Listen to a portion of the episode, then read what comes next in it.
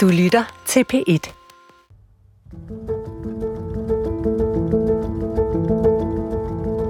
Altså, jeg sidder jo og meget ofte, øh, i hvert fald tidligere, og tænker, ah, har jeg nu skadet mine børn? Altså, jeg drak, så meget drak jeg jo heller ikke, vel? Altså, jeg, jeg fik jo ikke blackout, mens de var til stede. Så på den måde, så, øhm, øh, så forsøger jeg jo... Øh, jeg forsøger mig med en målbevidst fortrængning, og den målbevidste fortrængning er jeg jo nødt til på en eller anden måde at få hjælp til at løse op for. Det gør jeg jo ved, for eksempel at snakke med min, øh, med min sponsor. Jeg hedder Brian, og jeg er alkoholiker. Det har jeg været i rigtig mange år. Jeg er vel oldtimer i den sammenhæng, så jeg har drukket i cirka 40 år. Øh, jeg er i slut 50'erne, så øh, min, øh, mit liv som, som alkoholiker startede egentlig i teenageårene. Som udgangspunkt, så øh, har jeg jo prøvet alt, hvad der overhovedet tilbydes i forhold til det at blive kureret for alkoholisme og, og alkoholafhængighed. Jeg startede ja for 10 år siden. Jeg øh, startede med et øh, møde og fortsatte med et møde og havde egentlig den tro, at møder kunne holde mig ædru. Det vil sige, øh, når, jeg, når bare jeg gik til et, et møde i ny og næ, øh, lyttede til alle, andres alkohol, alle andre alkoholikers historie, så var jeg i stand til at, øh, at forblive ædru. Det var så ikke det, der skete. Der skete noget helt andet, nemlig at jeg fik tilbagefald, det ene tilbagefald efter det andet. Efter hver tilbagefald fik jeg stort set altid kravlet øh, tilbage til, til AA og, og, og startede forfra. Men først her efter min, min, øh, min behandling, min femårsbehandling, lykkedes det mig at komme i gang med det, AA jo i virkeligheden er, øh, nemlig et, et program, som øh, tilbyder en løsning, som virker for mig, og som også virker for andre, øh, nemlig øh, det, det handlingsprogram, som, øh, som består af de 12 trin. 8. trin lyder. Vi lavede en liste over alle de mennesker, vi havde gjort fortræd, og blev villige til at gøre det godt igen over for dem alle. Øhm, jeg hedder Jakob og jeg er sponsor. Det vil sige, at jeg hjælper andre alkoholikere i vores fællesskab, øh, dem vi kalder sponsees. Jeg har før fortalt om, at det ene trin leder til det næste trin. Og øh, her er det vigtigt at skille 8. og 9. trin fra hinanden, på trods af, at de faktisk hænger sammen. Fordi ofte så er der nogle ting, vi ikke vil skrive ned i 8. trin, fordi vi er bange for at møde nogle mennesker i 9. trin, hvor vi går ud og møder nogen. Så 8. trin handler, ligesom i 4. trin, om at lave en liste, hvor vi får en indsigt i os selv og den måde, vi har været på hvor fjertrin handler meget om, han er dum, hun er dum, jeg føler sådan. Sådan en meget intern øh, liste om, hvad vores følelser var. Så handler 8. trin øh, meget mere om vores øh, actions, vores handlinger, og hvor de har såret folk øh, psykisk, fysisk eller åndeligt. De udfordringer, der ofte kommer for, for en sponsi øh, i, i sådan en trin, det er, at de måske ikke føler, at de har sovet nogen. Det kan også være, at de øh, lidt i mine øjne øh, øh, fejlagtigt tror, at de kun skal behandle øh, de episoder, der er sket, da de har været fulde. Fordi vi er jo alkoholikere, så det skal kun handle om det. Men det, der bliver gjort øh, til grund for det i, i vores litteratur, det er, at vi kigger på alle vores handlinger igennem livet. Hvor har vi såret folk? Nogle af os kan se det fra helt fra barn af, hvad vi har gjort hver gang. Hvordan vi øh, kæmper for at få vride så meget øh, glæde ud af tilværelsen, så vi ender med at sove alle mulige, fordi øh, vi, øh, vi skal have det meste og det bedste og, og det hurtigste, og der er masser af ting, som vi, det er usundmodighed, ikke? og vi står og råber folk i køen, eller grådighed, at vi, vi tager øh, det, der ikke er vores, fordi vi synes, at vi har mere ret til den andre, eller det skal vi, bliver vi nødt til at kigge på på et eller andet tidspunkt. Er det rart at kigge på? Nej, det er ikke særlig rart at kigge på. Men vi skal jo kigge på det, for ellers kan vi ikke gøre det godt igen. Og så kan vi ikke få få rettet den bule, vi har lavet i universet? Det er nok et halvt, otte måneder siden, jeg har lavet 8. trin. Med 40 års druk, så, så, så er der rigtig mange på den liste, kan man sige. Det betyder også, at jeg selvfølgelig er nødt til at ribe op i, øh, i følelsesmæssig sorg. Og det kan være rigtig svært at ribe op i følelsesmæssig sorg, når man skal, når man skal lave sådan en, øh, en liste det, er jo, det, er jo altid, det er jo altid udfordrende. Altså, de fleste mennesker lever jo på et selvbedrag. Det gør vi alkoholikere jo i højeste grad også. Og det vil sige, at vi er nødt til at se på vores egne fejl og vores, vores eget ansvar. Men selvfølgelig er det udfordringer at skulle se, skulle se, at man rent faktisk i nogle sammenhæng har, har svigtet øh, for eksempel sin, øh, sin opdragerrolle, sin faderrolle, man har svigtet sin familierolle, man har svigtet sin arbejdsgiver, man har stjålet, man har øh, snydt i skat osv. osv., osv. Der kan være rigtig mange ting i den her sammenhæng. Det, betyder, det behøver jo i virkeligheden ikke være mennesker, det kan også være situationer, øh, det kan være grupper af mennesker, øh, man har gjort for træde. Så på den måde, så kan listen jo også indeholde øh, situationer eller, eller grupper af mennesker.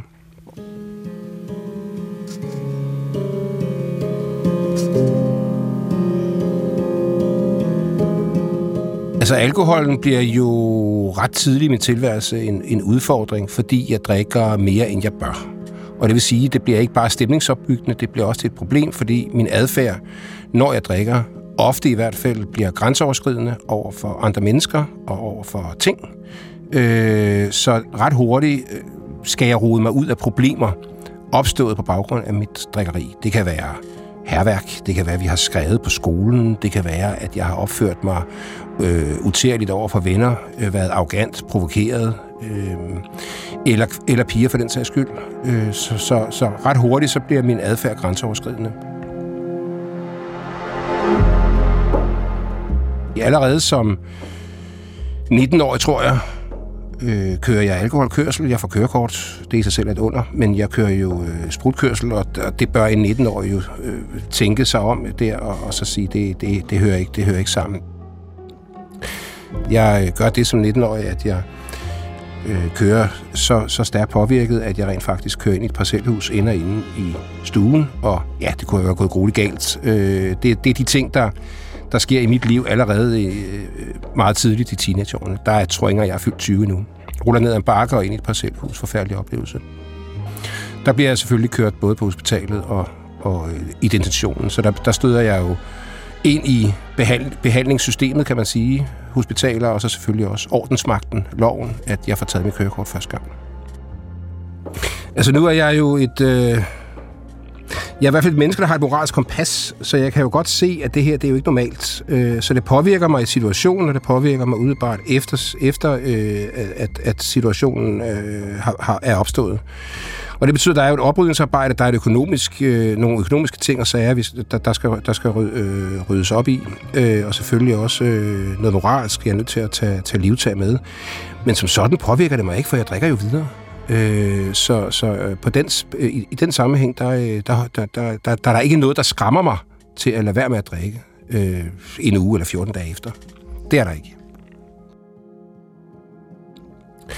Vi har jo alle sammen inden for AA et... Øh, nogen har det samme drikkemønster, men der er også mange forskellige former for drikkemønstre. Og mit drikkemønster har meget ofte været sådan, at jeg periodevis op til jeg blev 40, midt 40'erne, har kunnet holde mit drikkeri uden for den daglige, det daglige druk. Øhm, det ændrer sig så, fordi jeg rent faktisk også til hverdag begynder at drikke på vej hjem fra arbejde. Det vil sige, når jeg for eksempel kører mellem, øh, det kan være Ringsted og Næstved, så kører jeg altid ind på den nærmeste tank øh, og køber to øh, halvliters fadøl, som jeg, som jeg øh, drikker i bilen. Jeg har jo altid sørget for at have bil med automatgear. Det er så dejligt behendigt, fordi så kan man drikke og køre samtidig. Øhm, og det sker allerede i i øh, 30, sidst 30'erne, at jeg begynder at blive daglig drikker. Ikke at jeg så efter de to øh, øl faktisk ikke kan holde op, for det kan jeg godt. Jeg kan godt gå hjem og sove øh, og stå op næste dag og gå på arbejde. Men jeg begynder at drikke på daglig basis for en, en 10-15 år siden. Så kan man så sige, at mit, mit drikkemønster er jo, øh, er jo øh, er jo betinget af den medicin, jeg får. Jeg begynder nemlig med mirakelkuren Antabus.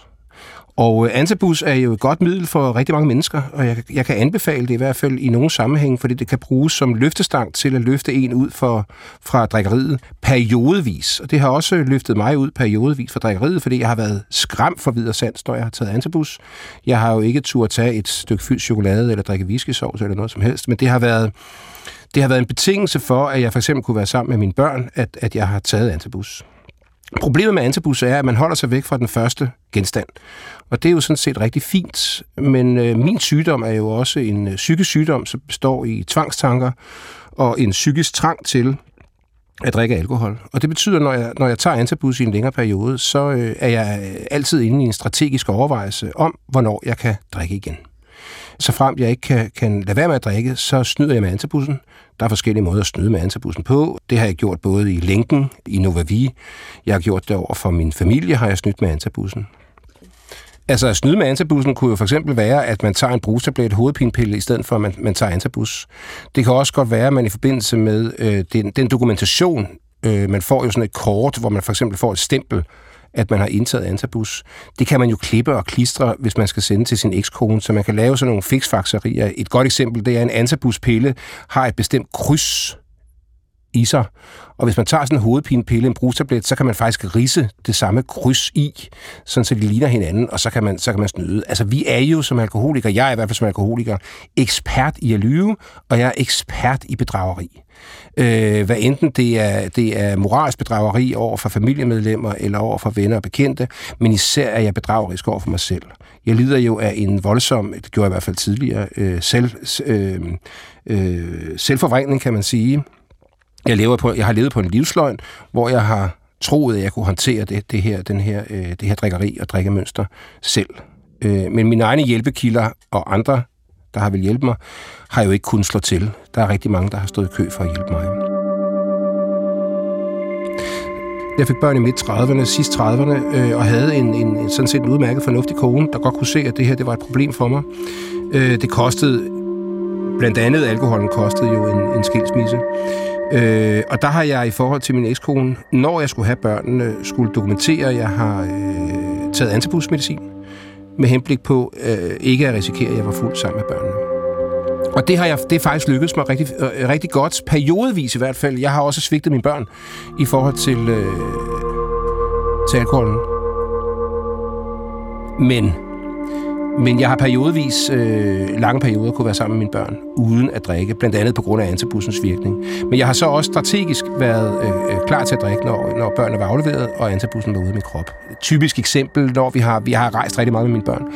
Og når vi har rejst, så har jeg kunne holde mig ædru, øh, blandt andet på grund af antabus på de rejser her. Men lige så snart jeg strategisk øh, er kommet til Kastrup Lufthavn, har sendt dem, har sat dem på et tog øh, ned på perronen til deres mor, så ved jeg lige nøjagtigt, hvor... Øh, hvor kiosken er, og hvad jeg skal købe. Og det har jeg gået og planlagt øh, på sådan en tur. Så det, det er jo den, det er jo den øh, tvangstanke, der ligger. Når jeg kommer hjem, så skal den have en over hatten. Øh, fordi nu har jeg holdt mig i lang tid, så jeg skal belønne mig selv med, med, med, med, med, med den oplevelse, det er at drikke alkohol for mig. Senere blev det, senere blev det ikke en oplevelse, men jo, det gjorde det, men det blev et mareridt, øh, og det blev også øh, nødvendigt for mig at drikke, øh, drikke alkohol for at holde øh, abstinenserne væk. Vi snakker jo altid øh, i AA, øh, det gør jeg også, om vores absolute bund. Øh, vi snakker også om, at vi kan ikke nå, vi kan ikke nå øh, at gøre noget ved vores problem, før vi faktisk har nået vores absolute bund. For der går det op for os, at vi dør det her. Øh, jeg har haft flere bunden, kan man sige. Øh, bunden har altid øh, været på et øh, sygehus efter en længerevarende drukperiode, senest øh, på Herlev Hospital med en promille på 5,1, står der faktisk i min, i min journal. Det er cirka to år siden. Jeg fandt senere ud af, at alle med en promille på øh, 4 og derover, der dør halvdelen. Så det er jo et under, jeg stadig er her, øh, og det takker jeg jo øh, mig selv for, kan man sige, men, men, men i bund og grund min højere magt, og sandelig takker jeg af for det her, for det, det, det er det eneste, der har kunne hjælpe mig ud af, af den her redelighed. Jeg går jo fra at være den, der snuser til en martiniflaske, til at øh, kunne bælle en halv øh, flaske øh, snaps uden problemer. Øh, og det, her, det er nødvendigt for mig i den periode, jeg drikker. Lad os nu antage, at jeg drikker for eksempel øh, 3 til 4, måske 5 uger. Så bliver det druk, det bliver spiritus, det bliver hård spiritus, det bliver at øh, sove, så snart jeg kan komme til at sove, det vil sige, når jeg bedøver mig med alkohol, når jeg vågner op, så kan jeg kun tænke på én ting, og det er at få mit, øh, mit alkohol. Og det er sådan set ligegyldigt, øh, hvornår på, øh, på døgnet det er. Et godt eksempel, det er, hvis det er midt om natten, og det har, vi har været inde i en coronaperiode, det har været forfærdeligt for mig. Fordi at øh, vi har faktisk, man har faktisk ikke kunnet købe alkohol efter klokken 11 eller 12, når det var. Og det betød så, når jeg fik Shanghai en taxa, fik kravlet ud i taxaen, øh, kom til tanken for eksempel klokken halv fem, de måtte sælge for klokken fem af, ja, så måtte de ikke sælge mig den flaske snaps, som min krop den skreg efter, min, min, min mentale tilstand skreg efter. Senere fik jeg så et godt forhold til tankpasserne, jeg rent faktisk fik lov til at få en øh, flaske snaps, som jeg kunne gå ud og tømme, og så kunne jeg komme ind og få den bibet, når klokken blev fem. Øh, og så øh, var, var de værste øh, abstinenser stillet, og så kunne jeg købe en flaske snaps til, og så kunne jeg tage den med hjem, og den varede så måske, hvad ved jeg, 3-4 timer, så skulle jeg afsted igen, enten i Rema eller andre steder. Øh, sådan, sådan, så desperat kan man blive efter, efter at få sit alkohol. Så coronaperioden, den, den, har, den har ikke været nem. når man drikker på den måde, så øh, besviger man jo, og man får blackouts. Øh, man mister kontakten fuldstændig til omgivelserne, man melder sig syg på sit arbejde, øh, forsøger at, øh, at lukke sig inde bag nedrullede gardiner, og der kan jo gå uger øh, med, med en sådan tilstand. Folk ved godt, at jeg drikker på det tidspunkt her, fordi de øh, kender jo til mit mønster øh, igennem de mange år. Så de ved godt, nu drikker han igen, nu drikker far igen, øh, og der sker ikke noget, før nogen gør noget ved det. Jeg kan ikke selv komme ud af det.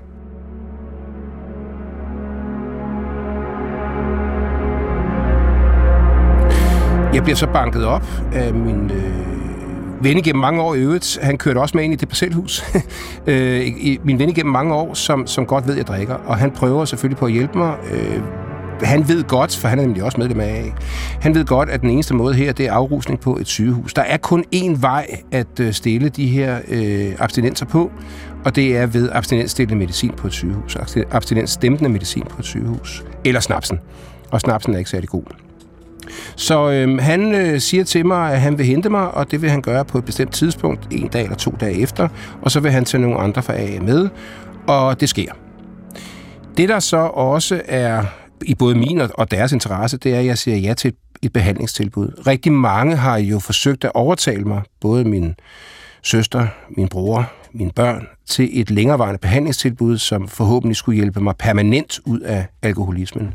Men det har jeg sagt nej til, øh, men her sidste gang, der er, der er så øh, langt nede og, og, og har ramt min, min dybeste bund så hårdt, så jeg faktisk både siger ja til indlæggelse, og jeg derefter siger ja til at blive kørt i øh, en længere, et længerevarende behandlingstilbud. Øh, jeg er jo i virkeligheden fuldstændig øh, viljeløs i den sammenhæng, øh, fordi jeg, jeg er ikke i stand til noget som helst andet at drikke videre, medmindre jeg bliver hjulpet.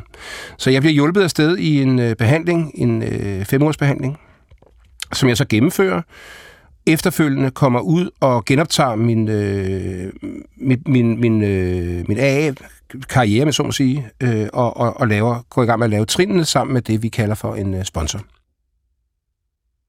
Altså, jeg har jo gennem mit liv øh, skabt mange fortrædeligheder, også i forhold til både min, mine børn og min øvrige familie. Og, øh, og det betyder, at, at jeg jo øh, for alkoholen øh, har gjort rigtig mange mennesker skade og fortræd. Øh, og det er klart, når, når min familie kan se, at jeg i den, den grad mistrives, så bliver de jo ked af det. Øh, men alkoholen er så stærk, at jeg er i stand til at fortrænge og undertrykke den følelse. Øh, jeg vil jo sælge min, min gamle 80-årige mor for, for, en, for en flaske snaps. Så alkoholen, den, den, den går ind, og den overtager alt i sådan en sammenhæng, når man er i sådan en periode. Øh, man kan drikke det væk, øh, og det gør jeg jo i perioden. Øh, så så øh, selvfølgelig er jeg godt klar over, i situationen, når de møder op, øh, at jeg svigter. Men den øh, omkostning er, er jeg villig til at betale. Øh, jeg kan ikke lade være. Det er alkoholens magt. Den er jo snigende overrumplende, og så er den så magtfuld, så, så, øh, så den styrer mit liv fuldstændig på det her tidspunkt. Uanset hvem, der tropper op. Og på det tidspunkt, der kan man sige, der har jeg jo ikke nået min, min fuldstændige øh, bund, fordi der er jeg stadig i stand til at øh, gå ned i Rema og købe min egen alkohol. Jeg skal ikke grave nogen steder, kravle nogen steder, jeg skal ikke øh, køre taxa. Men det kommer så senere, og derfor så øh, lader jeg mig til, til allersidst viljeløst øh, rådgive og også fysisk øh, blive håndteret af de mennesker, som, som jeg jo i bund og grund godt ved, ved det mig godt. Så, så, så svigtet har jeg jo, det, det, er, det er jeg fuldstændig klar over. Jeg, jeg, jeg, har, jeg har jo været inde i et, et, et 30-årigt langt svigt, særligt over for mine øh, børn, øh, kollegaer, arbejdsgiver, mine venner og min øvrige familie. Øh, og det er, jo, det er jo blandt andet derfor, jeg er nødt til at arbejde med det, som jeg gør i AA. Når man er færdig med 8. trin, så, så mødes jeg ofte med min sponsis igen, og så får de lov til at læse op, hvad de har skrevet. Der er et sted mellem 10 og 50 mennesker, som, som de har gjort fortræd. Og, øh, og så står der meget tydeligt, at vi skal være villige. Det er igen noget omkring villighed til at gøre det godt igen. Og hvis vi ikke er villige, så beder vi villighed.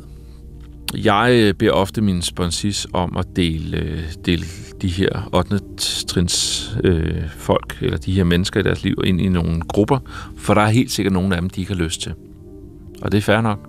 Så starter vi med dem, som i, i de enten har lyst til, eller som er mest tætte eller nødvendige, øh, fordi det er dem, de er i deres hverdag. For nu gjort godt med konen, eller, eller dine børn, eller din arbejdsgiver, eller dine tætte, dine nære forhold, dine forældre.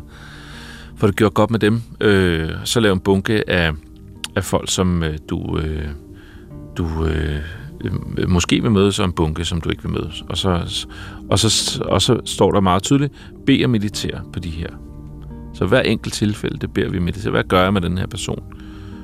Og det er sådan set starten til 9. trin. Hvad er det så, der skal ske der? Men nu har du i hvert fald fået et billede af dig selv om, hvordan, hvordan dine handlinger de, øh, de er. Altså, jeg er jo nødt til, når jeg sætter mig ned og tænker over begrebet øh, at gøre andre mennesker fortræde, så er jeg nødt til at lave nogle roligere efter ting som refleksioner over, hvordan jeg har påvirket andre mennesker. Øh, jeg skal selvfølgelig også være villig til at gøre det godt igen, og det, øh, det kan nogle gange være rigtig svært, hvis man, hvis man for eksempel er fyldt op af, af, af, af retfærdig harme over den måde, de mennesker har behandlet en på.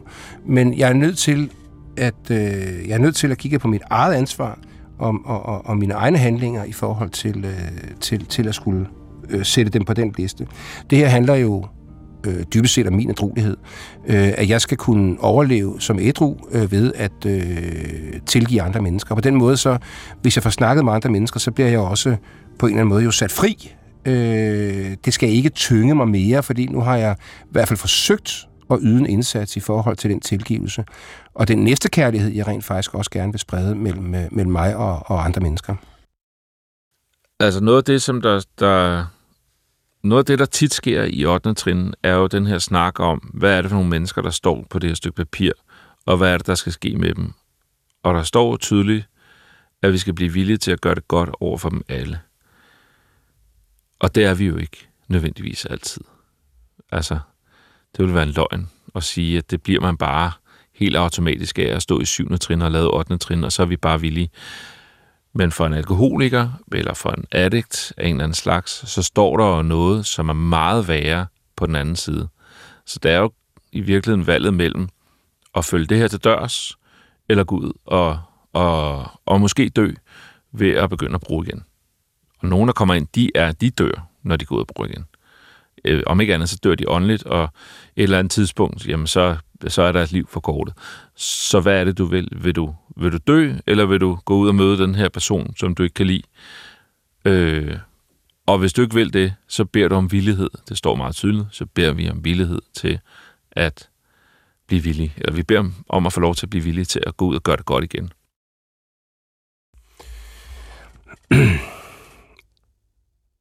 Når jeg sætter mig ned og laver 8. trin, så er det jo et trin, øh, af de mennesker, som jeg placerer på min 8. trin, tænker jeg jo i en fysisk situation sammen med mig øh, i et videre forløb i programmet. Så jeg prøver på at overveje, altså jeg skal jo være villig til at skrive dem ned på et stykke papir. Det i sig selv er jo ikke det store problem, hvis man kan få øje, for, øje på sin egen fortrædelighed og sit eget ansvar. Men jeg skal jo også være villig til øh, senere hen at møde de mennesker igen, hvis og så fremt jeg ikke skaber nye problemer, eller jeg gør de mennesker fortræde. Så jeg sætter mig ned og tænker øh, mit øh, livsforløb med de mennesker eller de situationer igennem, øh, for, for at finde ud af, om, om hvor i den fortræd består, og om, hvad jeg skal, om jeg eventuelt kan gøre det godt igen i mit, i mit senere 9. trin. Man kan sige, at det er jo en liste, og, og, og viskeladet er jo opfundet, så man kan jo altid viske det ud igen. Problemet er, at det meget ofte kan være svært for mig at få øje på den skade, jeg har forvoldt andre mennesker, fordi jeg rent faktisk meget ofte forsøger at bilde mig ind, at det ikke er nogen skade nu er det 8. trin, vi snakker om, men man kan sige, øh, øh, 9. trin, der er vi jo nødt til at gøre os nogle overvejelser. Gør vi de mennesker for træd, hvis vi søger kontakt med, med dem igen? Jeg er jo nødt til øh, øh, at se på, øh, hvis jeg for eksempel skal kontakte en gammel kæreste, vil hun så tænke, nej, ham, ham ønsker jeg simpelthen ikke. Jeg, nu, jeg, nu bliver hun faktisk ked af, hvis hun bliver kontaktet af mig. Øh, vil hun reagere på den måde? Og det, det kan jeg jo kun gisne om. Jeg tror, der er rigtig mange mennesker, som ikke har lyst til at mødes med mig. Øh, men jeg tror også, der er mange mennesker, som er, er blevet glade for, at de faktisk har haft mulighed for at lytte til min historie, og de har haft mulighed for at øh, sige, ved du hvad, Brian, tak fordi, at du fortalte historien. Det er rigtig svært at tilgive dig, men vi forstår godt, hvor du står henne, og synes, det er flot, du gør det stykke arbejde, du gør i forhold til din øh, sygdom. Så tak fordi du delte det med, med, med, med mig.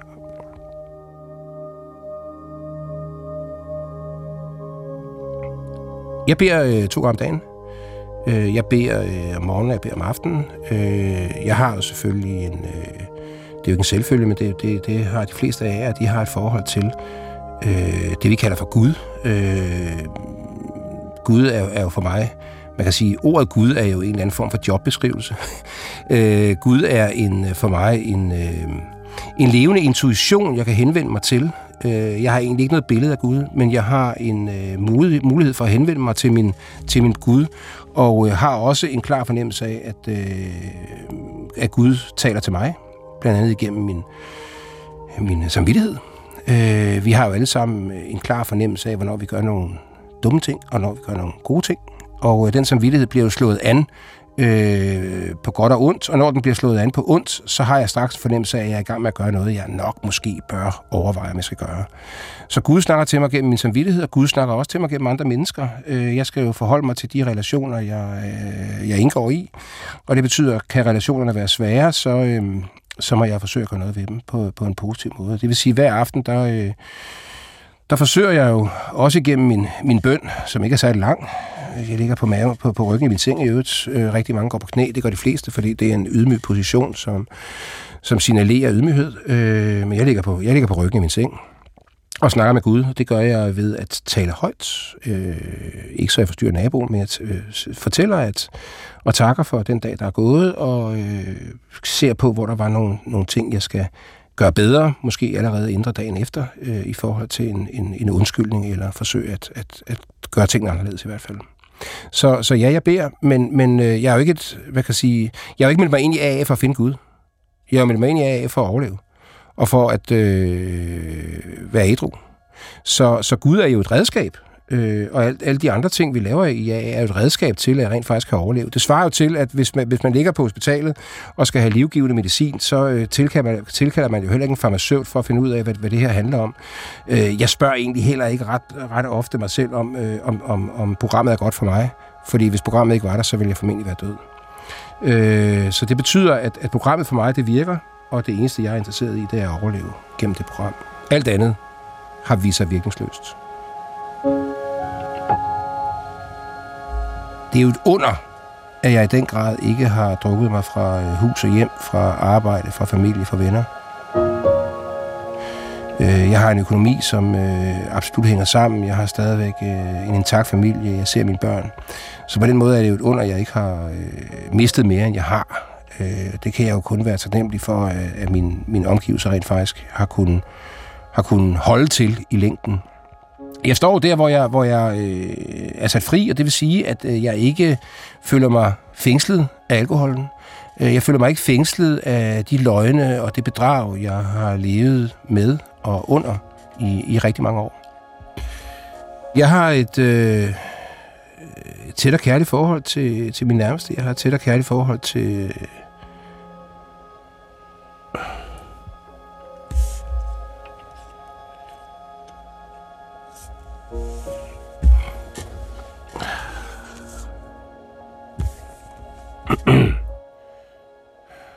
Jamen, jeg har, jeg har et tæt og kærligt forhold til, til min nærmeste. Jeg har et tæt og kærligt forhold til mine børn. Vi har lige øh, planlagt øh, juleferie på Malta. Øh, det er jo mine børn, der, har, der, der klart har fyldt mest. Øh, som min, min, min, min store dreng, han sagde forleden dag. Øh, blandt andet, da, da jeg snakkede med ham, og jævnfør 9. trin, så siger han, øh, hvor, hvor jeg prøver at sige undskyld og, og bære tilgivelse, så siger han til mig, jamen far, hvis man, hvis man har gået lang tid med en, en sten i skoen, så mærker man den jo ikke. Øh, så på den måde, så har jeg jo stadigvæk et, et tæt og kærligt forhold. Men der ligger alligevel en, en, en jeg tror, der ligger en, en ulmende, nagende uro i dem, øh, fordi hvornår drikker far igen? Øh, de her svigt på svigt øh, igennem mange år, jamen de har selvfølgelig sat sig, øh, og jeg tror, at rigtig mange ord ikke nødvendigvis kan afstedkomme en tryghed blandt, blandt ens nærmeste. Øh, hvornår kommer det tilbagefald?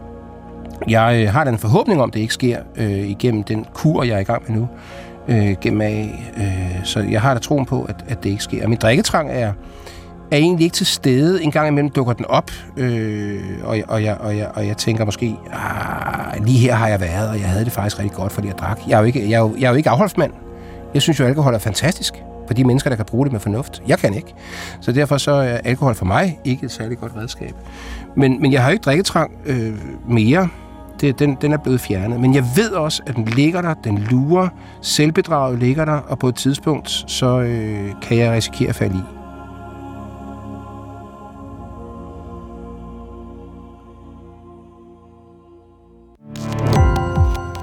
Gå på opdagelse i alle DR's podcast og radioprogrammer. I appen DR Lyd.